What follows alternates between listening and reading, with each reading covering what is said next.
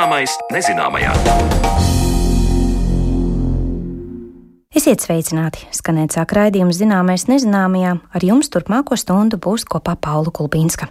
Turpinot atskatīties uz aizvadītā gada notikumiem zinātnē, nevaram izlaist tik būtisku sektoru kā tehnoloģijas. Sākot ar ChatGPT, kas nu jau ikvienam ir pieejams telefonā, beidzot ar jauninājumiem virtuālajā realitātē, enerģētikā un daudzās citās jomās. Taču pirms pievēršamies gada spilgtākajiem notikumiem tehnoloģijās, raidījumu sāksim meklējot atbildi uz jautājumu cik ilgi vēl jāgaida līdz kvantu datoram. Mēs esam nodemonstrējuši pašu mazāko iespējamo tranzistoru, kur viena elektrona klātbūtne nosaka, pa kuru ceļu aizies otrs elektrons. Teica Latvijas Universitātes profesors fiziķis Vjačeslavs Kašķējos runājot par sasniegumiem kvantu fizikā pagājušajā gadā. Kā šis tranzistors darbojas un cik tāls ceļš ejams līdz kvantu datoram, par to fiziķi iztaujāja mana kolēģe Zane Lāce Baltalksne. Ļoti īsi un vienkāršoti sakot, runa ir par vismazāko fizikālo daļiņu atomu darbību un kustību. Un atskatoties uz pagājušā gada veikumiem kvantu fizikas jomā, mans sarunu biedrs, Latvijas Universitātes fizikas, matemātikas un optometrijas fakultātes profesors Vjačeslavs Kašķējevs stāsta par kvantu tehnoloģijām, kas tiek lietotas visprecīzākajai mērīšanai.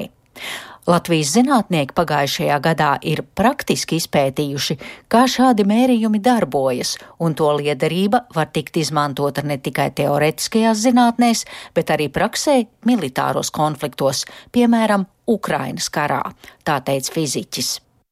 Tie ir tādi superjūtīgie kompasi kas ļauj palīdzēt orientēties dabā. Nu, mēs esam pieraduši kompasu. Katrs, kas orientēšanos nodarbojas, ļoti labi saprot, ir noderīga manta. Ja? Nav atkarīga no GPS, nevajag lādētāju. Lūk, un te tas pielietojuma leņķis ir ļoti nopietns. Domāju, nevienam nav noslēpums, ka um, blakus mums esošajā karā Krievijas valsts bloķē GPS signālu. Un ir kara laukā izšķiroši svarīga precīza navigācija.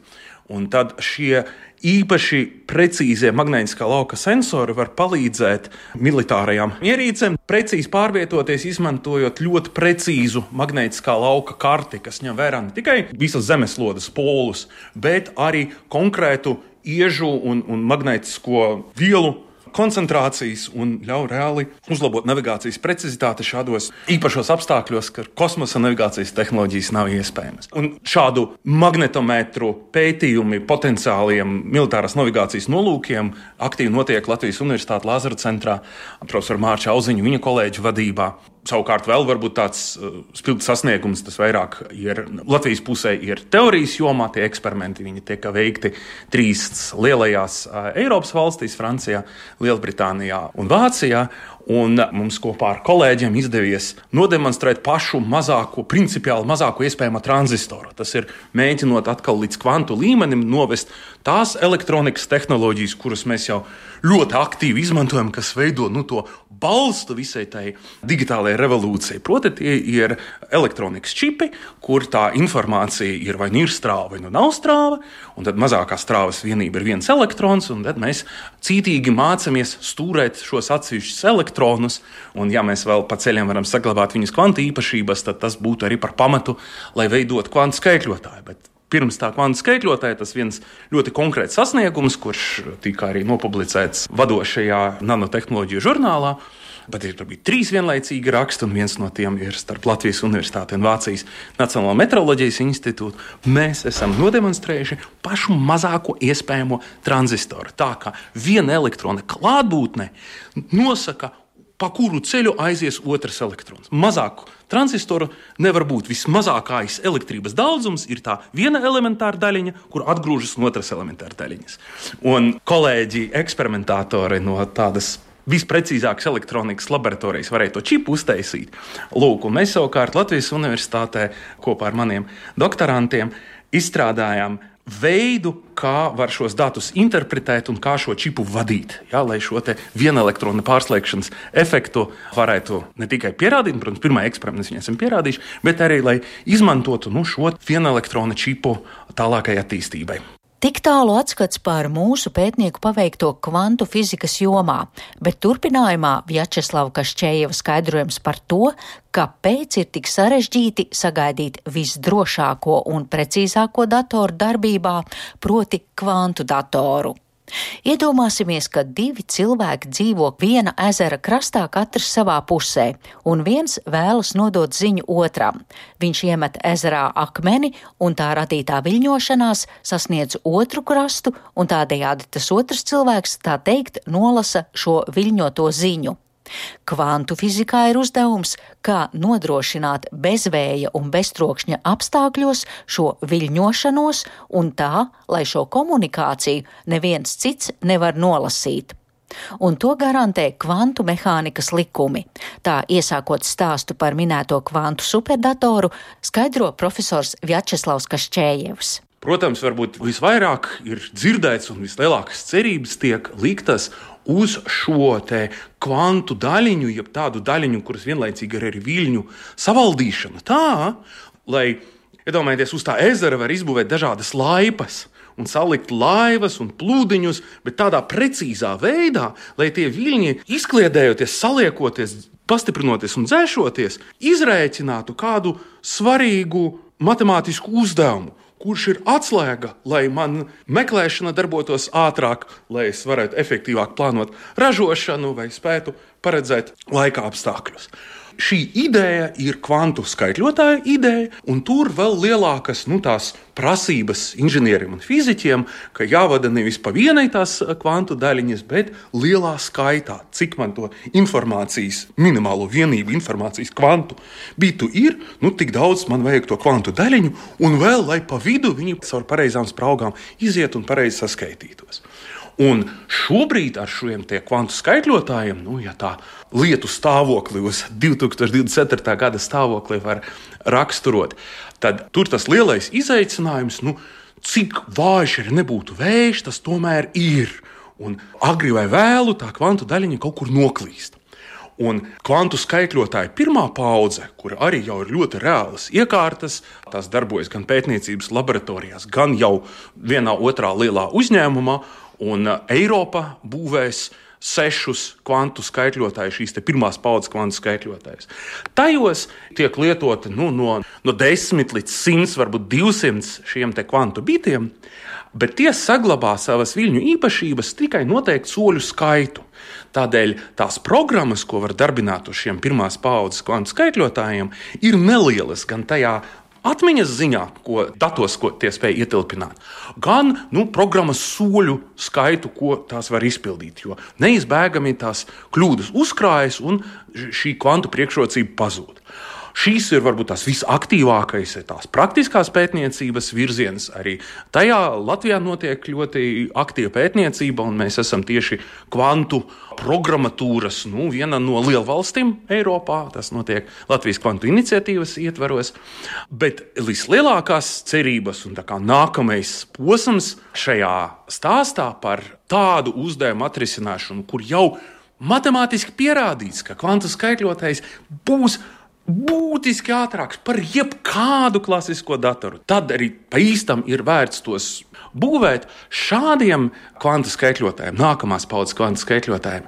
Nepieciešams realizēt kļūdu korekcijas principu. Nu, tagad es šobrīd ierunāju digitālajā diktafonā manis teikto. Ja? Tā informācija mēs esam parastajās klasiskajās digitālajās tehnoloģijās pieraduši, ka, lai aiznestu ziņu bez zaudējumiem, mums tie nulles un vienanieki visi precīzi jānodod. Un tie, kas varbūt eh, pirms modernās traumēšanas laikmeta atceras pirmo digitālo mūzikas ierakstu tehnoloģiju, tie bija kompaktdiski. Un tas kompaktdisks varēja skanēt perfekti, par spīti tam, ka viņš ir mazliet paskrāpēts, putekļains. Galvenais, ka nav padaudz to putekļu. Ja, ja to putekļu un uh, švīku daudzums uz kompaktdiska ir zem noteikta sliekšņa, to informāciju var precīzi atjaunot, jo ierakstīts tiek vairāk bitu nekā man vajag, kurus fiziski ieraksta tas, tas bedrītes un kalniņi. Tie būtu tie, tie fiziskie biti, un savukārt, ja es teiksim, trīs reizes atkārtoju, un tad, ja viens nokrīt, tad divi joprojām paliek, tad tā loģiskā vērtība tas būtu tas loģiskais bits. Tad man vajag daudz fizisku bitu, lai droši pret kļūdām noturīgi iekodētu dažus loģiskos. Un, nu, tas varbūt pasaules šos kvantu skaitļošanas pētniekus ļoti uzrunāja.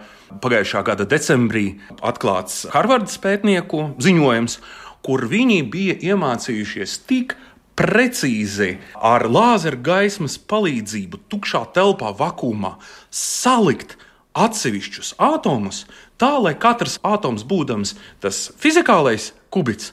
Kopā tie veidotu režģi, uz kura šie pētnieki varēja nodemonstrēt loģiska kubita iekodēšanu un veikt skaitļošanu ar 48 loģiskiem kvantu bitiem. Ja? Un, un tas mērķis ir šos kļūdu korekcijas algoritmus realizēt praksē, un lai to putekļu un traucējumu būtu zem matemātiski nepieciešamā sliekšņa, lai kvantu programma varētu darbināt neierobežot ilgi. Ja? Un šī tā pret kļūdām noturīgā kvantu skaitļošana, nu, tas vislielākais šobrīd uh, zinātnes un tehnoloģiju izaicinājums šajā jomā.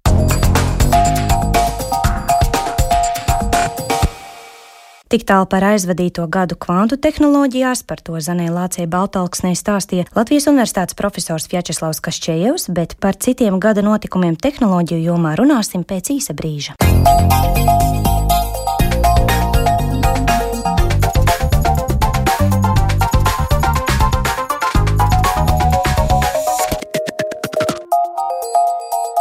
Zināmais nezināmajā. Aizvadītajā gadā mākslīgais intelekts ienāca to cilvēku ikdienā, kuriem līdz tam nebija nekādas saskares ar šādiem rīkiem. Ar pāris dolāru maksājumu mēnesī skolēni tika pie veikli sacerētiem domrakstiem, bet viņa vecāki pie labi strukturētām motivācijas vēstulēm darba vietām. Taču ne tikai satura ģenerēšana ar mākslīgā intelekta palīdzību bija spilgts notikums, arī kiberdrošība, virtuālā realitāte Inovācijas zaļajā enerģijā un medicīnas tehnoloģijas visas šīs jomas virzījās uz priekšu pagājušajā gadā. Aizvadītā gada spilgtākajiem notikumiem tehnoloģiju jomā tad pievērsīsimies turpmākajās minūtēs un sveicu studijā biedrības Rigate Girls vadītāju Annu Andersoni. Sveiki! Sveiki! Un mūsu kolēģi raidījuma digitālās brokastis veidotāju un tehnoloģiju apskatnieku Arti Ozoliņu. Sveiks! Mēs sveicināti prieks ienest zināmu un nezināmajā. Jā. Kādas jums ir sajūtas par pagājušo gadu? Nu tā īsumā. Bija tāds dinamisks gads vai, vai salīdzinoši mierīgs un iepriekš paredzams? Sāksim ar Annu. Nu, es teiktu, ka 23. gads ir bijis ļoti neparedzams un ļoti dinamisks. Tādas pārmaiņas eh, neviens nevarēja, man liekas, paredzēt iepriekš, kas, eh, kas notika gan pasaulē, gan Latvijā, gan tehnoloģiju jomā, gan vispār kopumā pilnībā pievienojos tāda sajūta, ka tā izaugsme tiešām tāda eksponenciāli bijusi, uh, un tā skaitā arī uh, mākslīgiem intelektam, ko mēs šodien apspriedīsim. Tā, tā, tāda sajūta gan izvēle, ka visi līdzekļi, kas bija brīvi un kas vēl nebija brīvi uzņēmumi, vienkārši sāk gāzt iekšā, līdz ar to loģiski, ka mēs redzam arī dažādu veidu izaugsmes produktus un attīstību šajā visā stāstā, ko laikam nevar teikt daudz par metaversu, par ko mēs mazāk, mazāk dzirdam. Tās prioritātes kaut kur pamainījās pa vidam, bet jā, būs interesanti šodien apspriest aizvadīto gadu. Jā, par metaversu noteikti vēl parunāsim, jo tas bija tas, ko es klausītājiem piesolīju pagājušajā gadā atskatā, ka nu tik metavers būs un, un kā nu būs, bet izrādījās pavisam kas cits nonāca mūsu rokās - plašām sabiedrības grupām, satura, ģenerēšanas rīki. Varbūt īsos vārdos vēlreiz klausītājiem, kas tas īsti ir, kā tas darbojas. Anna, lūkšu tev pastāstīt. Tātad, ja mēs runājam šeit par tieši uh, ģenerēšanas rīkiem, Visplašāk pazīstamais ir ChatGPT, un tam ir līdzīgi daudz arī citi, piemēram, Google Bart ir vēl viens ekvivalents. Tātad tie ir um, tā sauktie lielo valodu uh, ģenerēšanas rīki, kurā, kuri izmanto ļoti daudz pieejamo informāciju un patiesībā ģenerē katru nākamo vārdu, kas varētu sekot, pasakot šo vai citu. Uh, tātad uh, tie ir, nu, mm, tādi sintēzēti, sintēzētas smadzenes, kas izmantojot pieejamo informāciju, ģenerē kaut ko jaunu. Un tas var, var būt šie valodu rīki, ir tie, kas ģenerē teikumus un stāstus vai, vai attiecīgi motivācijas vēstules. un vizuālie rīki savukārt ģenerē šos vizuālos risinājumus un tam līdzīgi arī video risinājumi tiek veidot un tā tālāk. Tātad pieejamo informāciju analizējot un paredzot, kas varētu būt nākamais viss ticamākais nākamais solis tiek radīta šī valoda vai teksti. Mm -hmm. es, es gribu papildināt, bieži vien cilvēki uzskata un baidās, ka tas ir nu, līdzīgi kā filmās sāks domāt kā cilvēks, ka tā doma plūsma ir tieši tāda paša kā mums, ka mēs varam vienkārši no nekā radīt kaut ko, bet Anna ļoti labi ieskicē, ka tā ir tāda, nu, burtiski šis te, piemēram, chat GPT risinājums, viņš izpļauj tādas vārdu virknes, kur seko viens vārds otram, un tur ir milzīgi, milzīgi, sauksim tās par tabulām lai cilvēki vienkāršāk saprot virknes ar tabulām, kur vienkārši viņš mēģina saprast, kurš vārds pēc kura seko, lai radītu kaut kādu, kaut kādu jēgu. Tā pēc būtības ir viena liela, liela datora programma, kas uh, imitē un cenšas radīt tādu dabiskas valodas sajūtu. Man šķiet, ka šis ir tas uh, atslēgas punkts, kāpēc tik ļoti tas viss strauji sāk attīstīties. Jo, ja mēs patinam to bildi,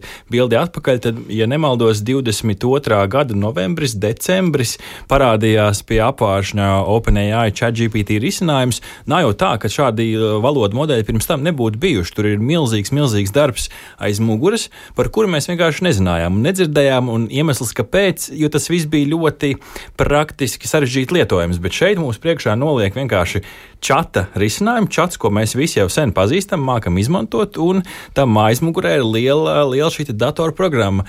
Un man šķiet, ka tas arī tas veiksmes pamats. Tā popularitāte pēkšņi uzsprāga, un kā jau es minēju, ievadā tajā brīdī, kad ChatGPT un OpenAI kļuva tik, tik populāri, arī pārējie giganti kā Google, arī Apple un, un citi, tā skaitā arī Ķīnā, Baidu alternatīvais risinājums.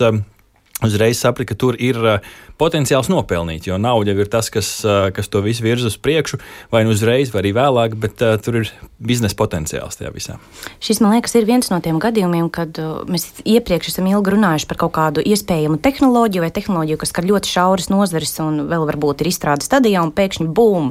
Visiem mm. telefonos ir chat GPT, un, un, un jokodamies, nejokodamies, abonējot vai nē, tāpat ik pa laikam kāds tur paspaida un ir patiesībā diezgan pārsteigts par tiem tiem rezultātiem, kas iznāk ārā. Laikam gan klausītājiem jāatgādina, ka tas, ko dara ChatGPT, ir tas, kas jau ir ievadīts teikt, interneta vidē. Šis rīks mm. neizdomā no sevis kaut ko, vai ne? Tieši tā, tieši tā. Tas ir tā, tā ir tā lielā datu bāze. Tas ir tas, eh, kas ir visam aizmugurē. Un, uh, lai arī teiksim, eh, šīs te mm, mākslīgā intelekta risinājumi tiek izmantoti arī radošu risinājumu radīšanai, viņi tomēr visu rada no tā, kas jau ir pieejams.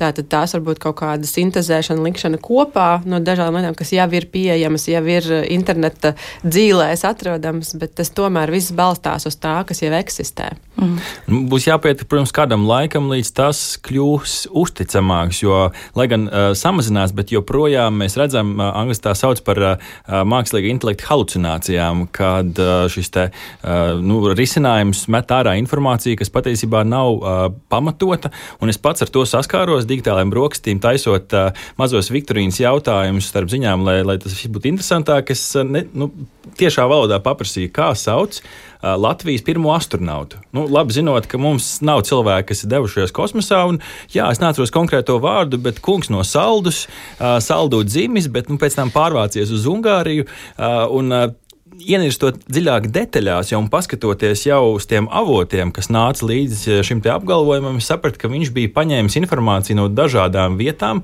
un kaut kā mistiski salīmējis to kopā.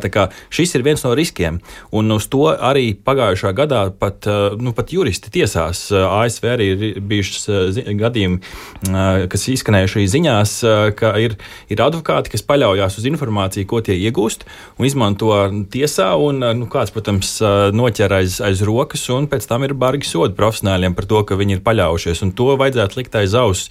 Vienmēr, ja, ja ir runa par kādu faktu uh, iegūšanu, nu, uztaisīt to dubulto pārbaudi. Es pagaidām līdz galam vēl tam visam neuzticos. Nu jā, jo redz, astronauts Latvijā nu skaidrs, mēs jau veselais saprāts saprot, ka tur nekā nebūs laba, jā, bet tajā pašā laikā ir kāda specifiskāka informācija, kur mums nav zināšana, ļoti viegli varam iekrist, tā teikt, ChatGPT valgos. Par satura autentiskumu vēl parunāsim, bet praktiskā pielietojamība. Kurš šobrīd cilvēks cilvēki to var izmantot bez izklaides, tā teikt, paspēdīt telefonā? Protams, kā, kā jau arī pieminēja pašā sākumā, tā, tās var būt dažādu tekstu rakstīšanas, piemēram, vai tās var būt vēstules, vai, vai tas var būt um, kāds, nezinu, sociālo mēdīju, piemēram, ieraksti. Uh, un tas, ko var darīt, ir, ir un bieži dara arī, ka, teiksim, varbūt šim autoram, cilvēkam ir ļoti skaidrs, ko viņš grib pateikt, bet izmanto šo rīku, lai, lai to sakārtotu tādā skaistā plūstošā tekstā, uh, lai varbūt nav pašam jāpavada tik daudz laika, lai uzradītu šo pamatu, un pēc tam mazliet parediģējot un padarot to par savu, uh, tad arī izmanto.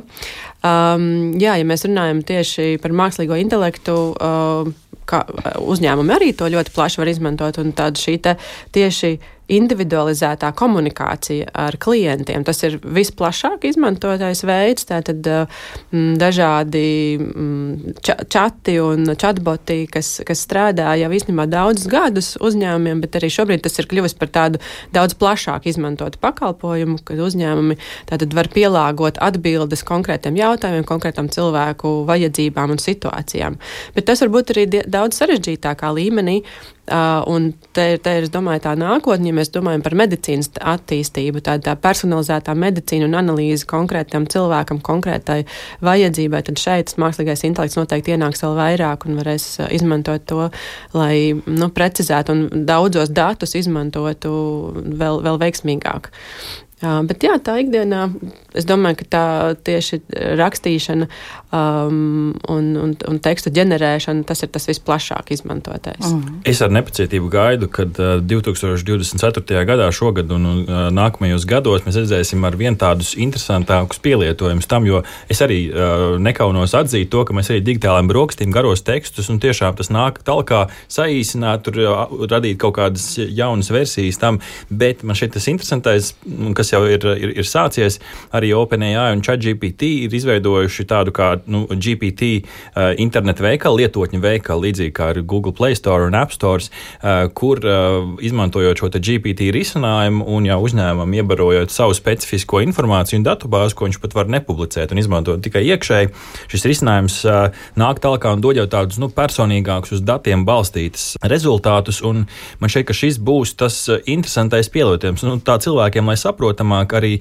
arī Google ar Google Bard. Um, integrēt to vairāk jau Gmail risinājumā, padarot meklētāju jau daudz tādu izvērstāku un specifiskāku. Man ļoti interesē un gribēs, gribēsies redzēt, kā arvien vairāk tādos risinājumos, kā ne tikai Gmail, bet arī Docs un Google Drive servisos šis viss ienāks, jo vienā brīdī tas var pārvērsties par tādu tiešām jau personīgu risinājumu, kur tu e-pastā atsaucies uz kādu dokumentu un, un risinājums jau saprot, par ko tu runā, jo nu, tu esi devis piekļuvi tam. Un tur ir ir vēl, vēl da, dažādi interesanti risinājumi. Tā skaitā arī ir pirmie mēģinājumi tā jēgpilni uh, ievietot uh, ChatGPT risinājumu automašīnās. Tur uh, ir atsevišķi uh, autoražotāji Vācijā, kur ar šo jau eksperimentē. Uh, tur arī varētu būt interesanti rezultāti, kad tev nevajadzētu vairāk mašīnā bakstīties pa paneli, piemēram, vai pa telefonu, lai atrastu tuvāko benzīna tanku vai ēstuvi, bet tev risinājums var audiāli izstāstīt tādu audiālu sarunu, kur nu, tas līdzinās kaut kur uh, Night Rider fil, uh, seriālam uh, no 90. ar uh, kita mm. automašīnu, tas uh, ar vien sāk šķist uh, ar vien reālāk. Jā, no drošības viedokļa tas būtu ļoti labs iegūms. Telefoni pie stūres ir viens no biežākajiem avāriju cēloņiem. Mm. Uh, Latviešu valoda, kā ar latviešu valodu šim rīkam sokas, cik tālu tas ir ticis, vai tas latviešu valodas pielietojums ir nu, tāds labs, kvalitatīvs. Es tā vēl to nesauktu. Nezinu, kā ar mm. Annas pieredzē, bet es vienmēr strādāju ar angļu valodas tekstiem. Jā, tur var atsevišķos gadījumos kaut kas arī ciešams iznākt, iznākt ārā, bet pārsvarā nu, tur arī, arī šīs interpretācijas, protams, latviešu valoda ir nu, tiešām bagātīga. Arī tā skaitā ar nu, pasaku vienu, bet patiesībā tā doma kontekstā ir pavisam cita. Un šeit man šeit valoda modeļi pazūd, jo, kā jau minēju, pašā sākumā tās ir vārdu virknes. Viņi nemeklē jēgu aiz vārdu, viņi strādā mm. burtiski ar vārdiem. Un, nu, tā varbūt ir laime, uh, laime un tas lepnums mums par mūsu bagāto valodu, bet uh, ir līdz ar to sarežģīti, ja to iestrādāt, uh, iestrādāt šādos servisos. Taču uh, arī te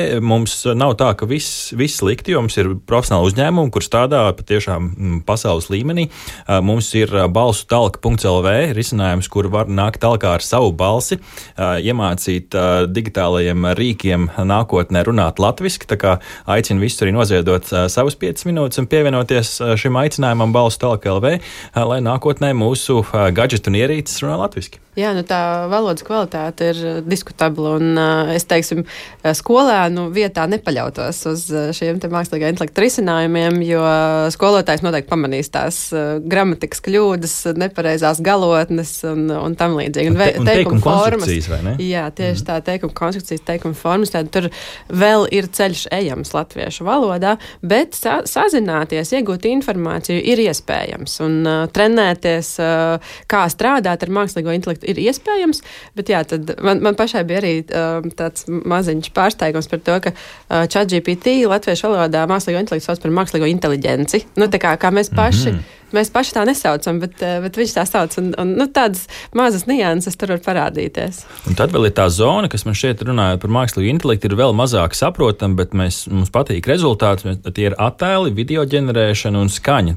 Tie jau ir risinājumi, kas patiešām ir fascinējoši. Mums digitālās brokastīs tādu prognožu spēlē viens mākslīgā intelekta speciālists iesūtīja prognozi, un viņa, viņa prāt, 24. gads būs gads, kur mēs redzēsim pirmos risinājumus AI video on demand, jeb latviešu, to sauc izmantot mākslīgā intelekta video pēc pieprasījuma. Mēs zinām, kas ir video mm. pēc pieprasījuma. Tās ir platformas, kur mēs atrodam seriālus un filmas un skatāmies jebkurā laikā.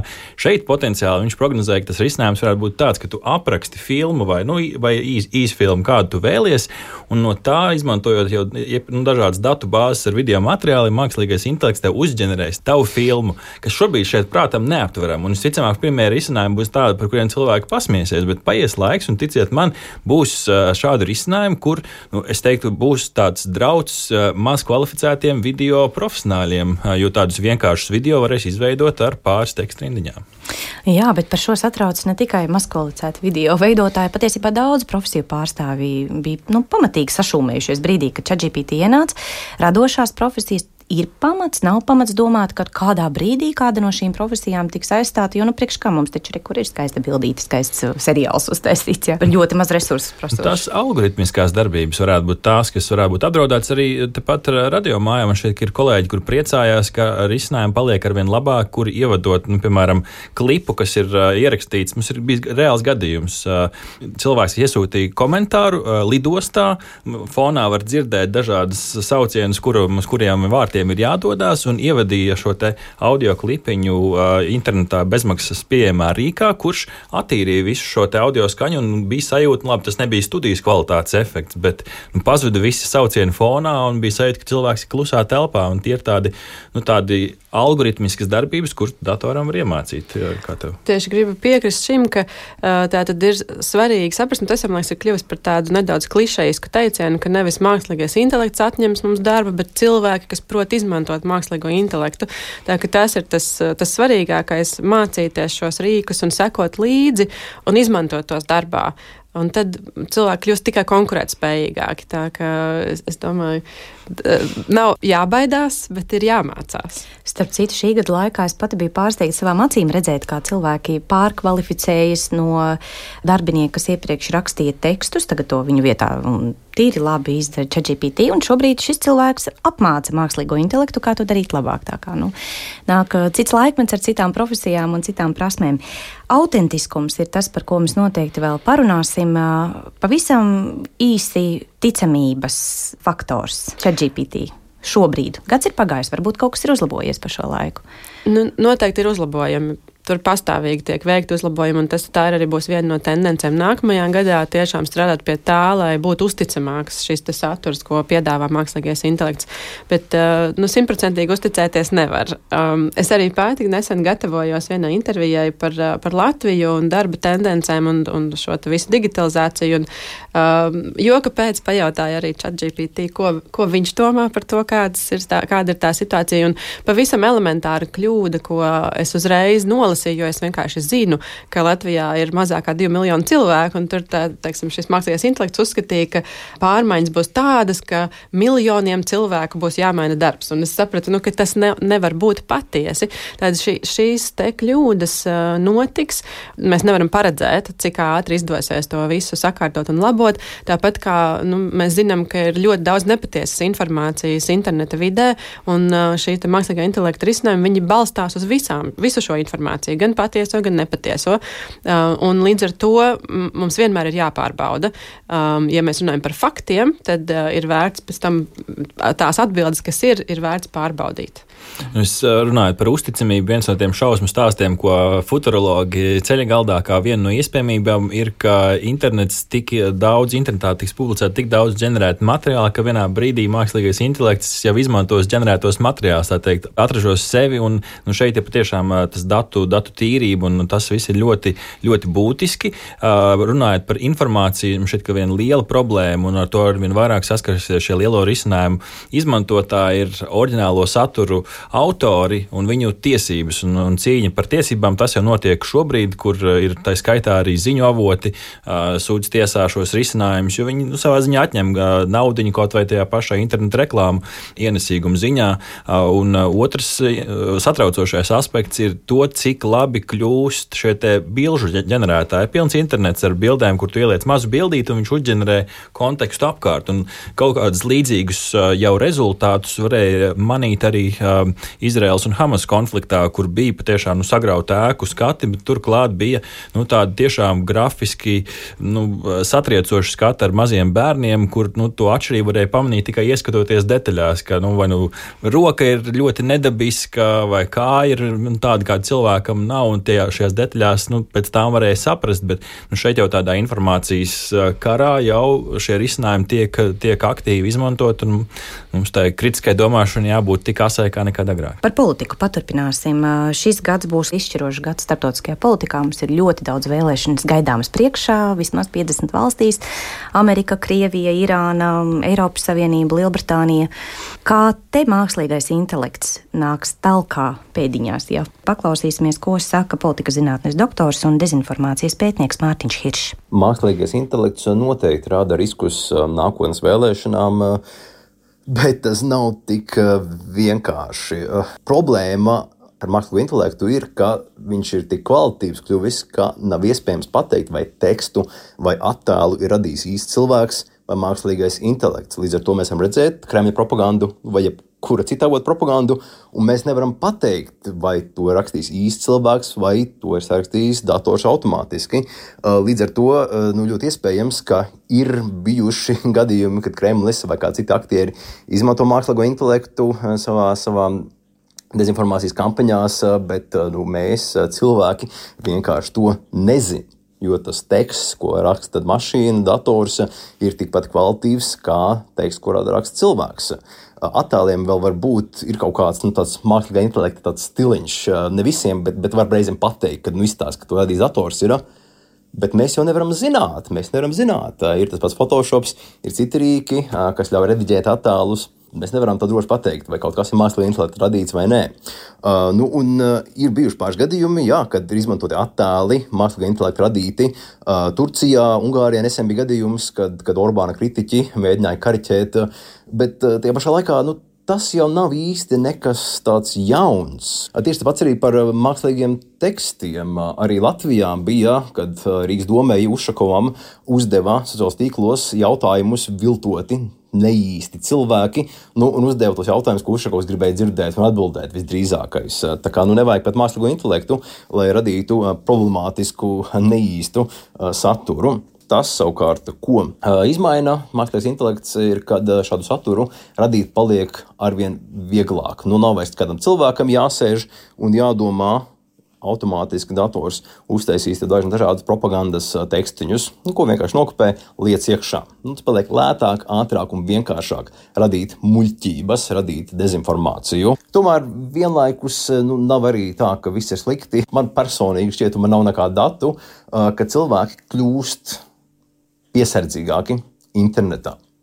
Nu, tas, ka internetā ir muļķības, ka jā, jā, jā, jāuzmanās no no nepatiesas informācijas, tas, tas ir kaut kas, par ko ir runāts gadiem, un sabiedrība, nu ne visi, bet nu kļūst apzinātāki. Tas pats Twitteris sevi ir diskreditējis, tie pašā Facebookā cilvēki ir mazāk un mazāk iet. Nu, iespējams, tas sociālo tīklu zelta laikmets varētu būt mums aiz muguras. Nu, līdzīgi kā kādreiz parādījās telefoni, visiem bija zvanu melodijas, visi bija lepni ar savām zvanu melodijām. Tagad tieši tāpat sociālā tīkla parādījās, visi bija lepni, rādīja bildes, lika tajos iekšā, stāstīja, kā viņiem iet. Nu, pēdējos gados sociālā tīkla izmantošana iet mazumā, un to rāda arī dati par, par Latviju un dažādām citām valstīm, ka cilvēki mazāk laiku pavada Facebookā, Twitterī. Nu, varbūt pārējiem citiem tīkliem, jā, bet nu, tie lielie vecie nedaudz, nedaudz noriet. Tādā ziņā varētu būt arī, kad līdz ar to, ka iet uz augšu dezinformācija, cilvēki nu, paliek piesardzīgāki. Nav tā, ka nu, mums ir priekšā kaut kas pilnīgi neredzēts. Jo, kā jau teicu, bildes mākslīgas vai rediģētas, tās ir bijušas. Botu troļu fermas, kas ražo tekstus, tas ir bijis. Nav tā, ka šīs botu troļu fermas vai mākslīgas bildes ir sagraujušas demokrātiju vai, vai, vai, vai fundamentāli ietekmējušas kaut kādas vēlēšanas. Piemēram, iepriekšējās ASV prezidenta vēlēšanās, arī, arī divas vēlēšanas atpakaļ ASV, jā, bija noteikti Krievijas kaut kādas kampaņas, kuras mēģināja kaut ko dīvainu darīt Amerikā, bet tās noteikti neietekmē vēlēšanu rezultātu. Jā, tās kaut kāds cilvēks sasniedza, bet tas nebija tas, tas, tas galvenais, kas cilvēku izvēles ietekmēja. Jā, paliks vieglāk, lētāk radīt muļķības, bet nebūs tā, ka tagad muļķības pārpludinās visu, visu nezinu, informācijas telpu, un cilvēki nespēs galīgi tajā vairāk norientēties. Jau tagad ir daudz dezinformācijas, bet kaut kā mēs tiekam ar to galā. Tiekam ar to galā. Tāds bija Mārtiņa Hirša, politikas zinātnes doktora un dezinformācijas pētnieka komentārs. Man vairāk punkti aizķērās klausoties Mārtiņa teikto par to, ka mēs nevaram noteikt, vai šo saturu ir radījis mākslīgais intelekts vai cilvēks. Nav aizvadītā gada laikā radīts kaut kāds rīks, ar kura palīdzību mēs varam, nu tā teikt, filtrēt, es nezinu, ūdenszīmes, kaut kas tam līdzīgs. Ir mēģinājumi, uh, ir dažādi rīki, kuros mēs varam, piemēram, ievadīt tekstu un lūgt uh, analizēt, vai tas ir mākslīgā intelekta radīts vai cilvēka radīts. Bet uh, arī šie rīki nav simtprocentīgi precīzi. Un, uh, ir šajos eksperimentos ir atklāts gan, ka mākslīgā intelekta radīts teksts tiek uztverts tomēr kā cilvēka, un otrādi. Es domāju, tas attīstīsies, šeit īpaši kiberdrošības aspekts attīstīsies noteikti nākamā gadā. Tā ir, būs viena no prioritātēm. Uh, bet pilnīgi droši mēs nevaram pārbaudīt. Es domāju, ka tā ūdens zīme būs viens no risinājumiem, un, viņas, un tā izpaudīsies dažādi. Viens, kas pavisam svaigs jaunums, ir, ka kameru, fotokameru ražotāji jau iestrādā programmatūras līmenī risinājumu, kur īstai bildei metadatos tiek iestrādāta dažāda informācija, kuru, nu, cerams, nevarēs noviltot, un tādā veidā vismaz varēs pateikt, vai šī fotografija ir īsta vai nav īsta. Otrs ir, ja mēs runājam par sociālo tīklu saturu, man šeit ir arvien lielāks spiediens uz sociālo tīklu platformām skaidri identificēt, ka šī ir vai nu mākslīga intelekta radīta, vai nu, vismaz rediģēta, rediģēta fotografija. Es domāju, ka mēs redzēsim šādas birkas ar vien vairāk, tā skaitā uz bildēm un video, kur automātiski jau rīks būs sociāla tīkla platformas satura pārbaudas rīks, jau būs noteicis, ka šis šeit ir aizdomas par rediģētu vai mākslīgu bildi, un tas noteikti palīdzēs ar šo satura skaidrību. Tā skaitā, ja mēs redzam satraucošus gadījumus ar informāciju, tīpaši pirms, pirms vēlēšanām, to varētu būt ar vien vairāk. Es domāju, tā ir visa mūsu līdzatbildība ziņot par šādiem gadījumiem, jo skaidrs, ka lielajām platformām ir satura pārbaudas, arī risinājumi ir, ir pat cilvēki, kur iet cauri, bet mēs kā lietotāji esam līdzatbildīgi uzspiest to pogu, to report pogu, to ziņojumu pogu un noziņot. Un, uh, pietiekami daudz ziņojumu paceļ sarkana karoga platformai, un šādu saturu var Eh, noņemt no, eh, no sliedēm, un nāk, nākamreiz no šādiem kontiem tas saturs varbūt pat neparādīsies. Nu jā, tas būtu palīdzoši, ja būtu šāds rīks, jo tas prasa ārkārtīgi daudz laika un enerģijas tam iet cauri, un filtrs ir tāds ar diezgan lieliem caurumiem. Tas mm. tā, tā arī ir vēl viena niša, kurā starp citu var, var darboties un strādāt, un cerams arī rezultāti būs. Sociālie tīkli un to ēra ejot uz beigām. Mārtiņš Hiršs minēja jūsu domas par to. Es nedomāju, ka iet uz beigām. Es domāju, ka mainās uzmanība. Vienkārši tur ir labi tik teikts par to to mm. Facebook nosacīto norietu, bet es domāju, ka tas ir tikai laika jautājums, kad tiks atrast dažādi risinājumi. Viens otru kopē šobrīd man šeit ir līdz nelabumam. Jā, tās noteikti ir pārmaiņas, bet vai tas nozīmē ēras beigas, vēl pagaidām ir pāragri teikt. Tās ir, tā ir pārēja uz dažādām citām platformām. Un ir, ja teiksim, Facebook tiešām varbūt šobrīd nav vairs straujāk augošais, tad ir citas platformas, kas aug ļoti strauji, kas joprojām ir nu, sociālo tīklu vai ļoti līdzīgs tam, kā, kas ir sociālās tīklas platformas. Tātad es domāju, tas nav noriets, bet tā ir pārēja vienkārši uz jauniem risinājumiem. Ko mēs sagaidām no ChatGPT un, un citiem mākslīgā intelekta rīkiem šajā gadā? Viena lieta, kas man ienāca prātā, mēs runājām par mākslīgo inteligenci, kā to latviešu valodā nodēvē pats mākslīgais intelekts. Emocionālā inteligence, man liekas, ir tā, kas nu, absolūti mākslīgajam intelektam šobrīd trūkst. Tā teikt, nolasīt cilvēku noskaņojumu, emocijas, teksta konotāciju, kā tas ir domāts. Vai mēs varam kādreiz cerēt, ka mākslīgais intelekts spēs sajust to, kā, kā jūtas autors vai otrā pusē esošais cilvēks. Tāpat nesen smieklīgs stāsts decembra beigās. Viens no ASV ātrās ēdināšanas ķēdēm izlaida risinājumu, kur tu vari nobildēt savu paģiru seju. Un šis risinājums nosaka, cik liela paģira tev ir un atkarībā no, šā, no šī te, stāvokļa nākamajā dienā pēc kārtīgākas balītes viņi piedāvāja risinājumu ātriem, ātrā ēdināšanai. Tas ir tāds smieklīgs piemērs, bet te kaut kur nu, tā emocija kaut kur jau tajā visā risinājumā mm. parādās šobrīd uh, ir iespējams lūgt uh, teiksim, tekstu ģenerēt kaut kādā noteiktā tonalitātē, vai nu draudzīgāku, vai profesionālāku. Tātad kaut kādas emocijas jau šis mākslīgais intelekts jau spēja ģenerēt, uh, nolasot teiksim, to kopējos datus, kas ir pieejami. Uh, Um, tātad, ja mēs uh, mākslīgam intelektam dosim vairāk informāciju par emocionālo inteligenci, noteikti tas uh, risinājums būs. Vai tas būs jau šajā gadā, mm, simtprocentīgi droši vien garantēt nevaram, bet mums arī uh, tepat Latvijā ir jaunas uzņēmums, kas ir, kas ir izstrādājis um, tieši emociju nolasīšanas mākslīgā intelekta risinājumu. Un, tātad, nu, tas, tas jau notiek.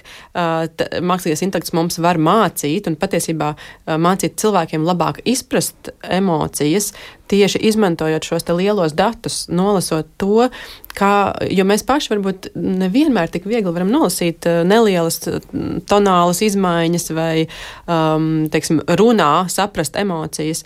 Mākslīgais intelekts to jau dara.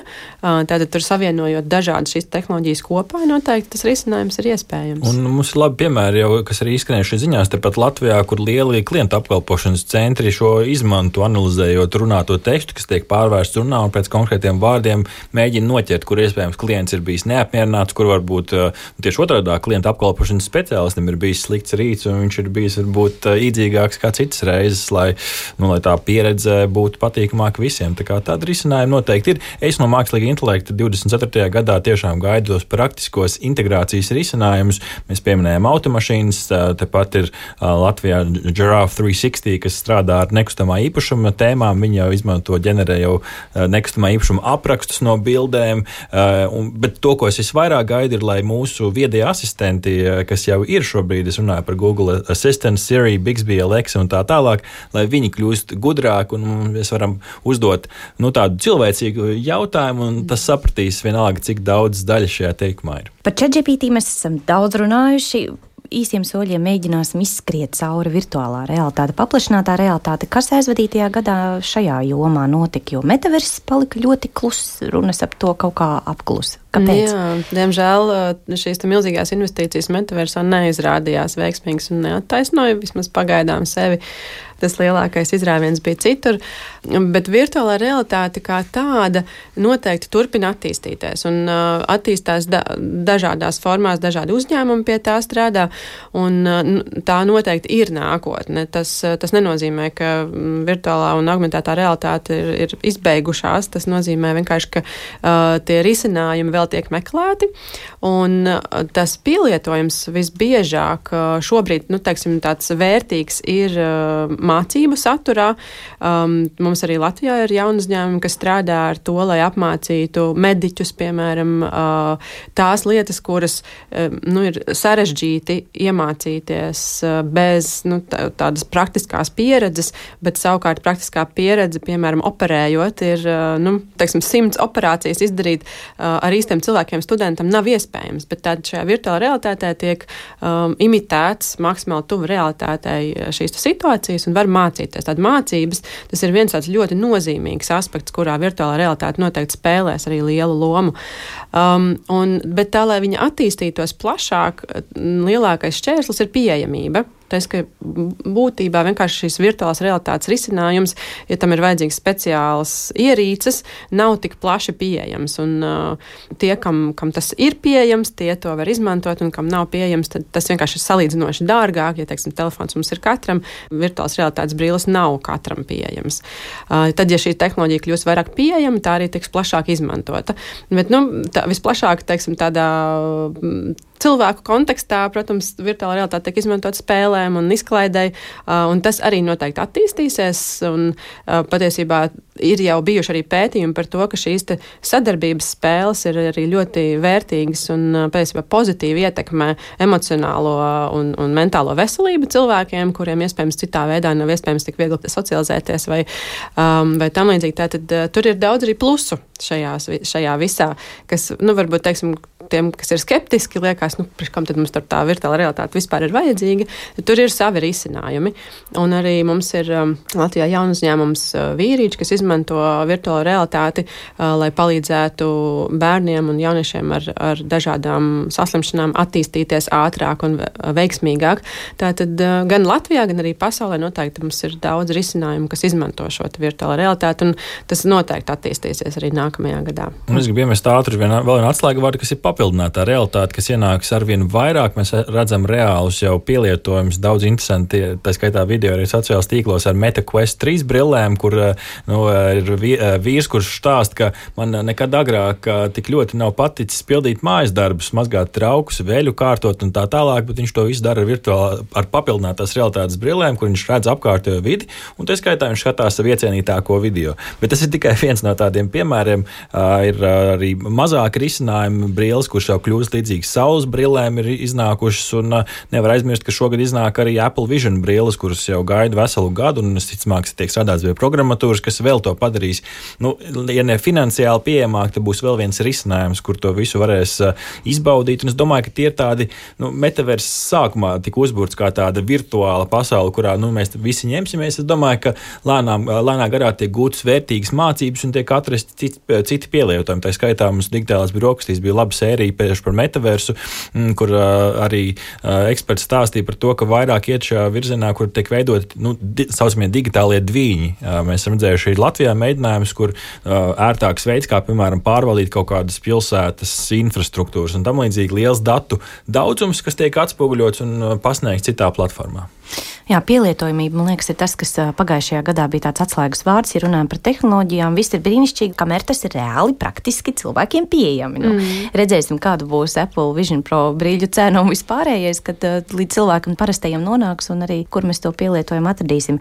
Ko vēl jūs minētu kā nu, aizvadītā gada lielos notikumus un šī gada lielās gaidas, vai ir vēl kas cits vēl bez virtuālās realitātes, mākslīgā intelekta? Man šķiet, ka zaļais virziens turpina savu, savu attīstību. To mēs redzam, tā skaitā jau šeit Latvijā par uh, enerģijas uh, ieguvu automašīnām. Tad ar vien vairāk ir šīs uzlādes stācijas, un tādas būs vēl vairāk, jo daudz Latvijas uzņēmumi ir saņēmuši arī tā skaitā finansējumu no Eiropas Savienības tīkla paplašināšanai, kas ar vien lauž tās barjeras un liek domāt, ka varbūt tas elektroauto ir viens no no risinājumiem, kā mēs varam būt nedaudz, nedaudz dabai draudzīgāki. Nu, gan arī par to joprojām ir diskusijas, kas ir zaļš, kas nav zaļš, bet tā, tas notiek. Un tas, mēs runājam par zaļo enerģijas ieguvi, tad tā skaitā ar vien lielāku ieguvi no saules un no vēja enerģijas, kur arī sadalstīklam jau ir apkopoti dati, ka nu, tiešām ar vien vairāk, lielāka daļa ir šie atjaunojami energoresursi, kur tā skaitā nāk tālāk arī mājasarmniecības ar saviem saules paneļiem. Tā kā es, es ceru un lieku liels cerības cerības, ka tur būs lielāka sinerģija šajā te jau infrastruktūras līmenī, lai varbūt kādu dienu arī mēs varam būt katrs pats mazais enerģijas ražotājs, bet pie tā noteikti vēl jāpiestrādā. Jā, Anna. Mm, es domāju, papildus varbūt vēl var minēt arī 5G un vispār datu ātrumu attīstību un to, kā tas ir ietekmējis lietu internetu un to, ka mēs uh, varbūt pat dažkārt tik viegli to nejūtam vai jau esam pieraduši, bet mēs izmantojam ļoti daudz uh, lietu internetā, lietas, kas ir savienotas savā starpā ar internetu un datu plūsmu tādos apjomos, uh, kas pirms 10-15 gadiem vispār sapņos nebūtu rādījušies. Tātad uh, tā, tā datu izmantošana izmantojamība un uh, ātrums uh, un tīklu attīstība. Tas, es domāju, arī ir bijis šī gada viens no mm, punktiem tehnoloģiju jomā, un arī nākamajā gadā noteikti turpinās attīstīties. Jā, nu, jānoslēdz mūsu saruna, lai gan runāt vēl būtu daudz, daudz un daudz. Starp citu, pirms paša raidījuma es arī prasīju ChatGPT par to, kas bija aizvadītā gada spilgtākie notikumi tehnoloģijās, un, diemžēl, mans Rīgs nespēja atbildēt uz šo jautājumu, sakot, ka viņš var komentēt tikai 22. gadu un paredzēt nākotni viņš tā kā neuzņemās. to tad atstāsim mums un redzēsim, kā šis gads izvērtīsies, varbūt šādā kompānijā arī tiksimies tieši pēc gada runāt par to, kāds bija 24. Pagaidām teikšu paldies biedrības Rigata Girls vadītājai Annai Andersonai un raidījuma digitālās brokastis veidotājiem un tehnoloģiju apskatniekam Artim Ozoliņam. Paldies jums, kā atnācāt šodien!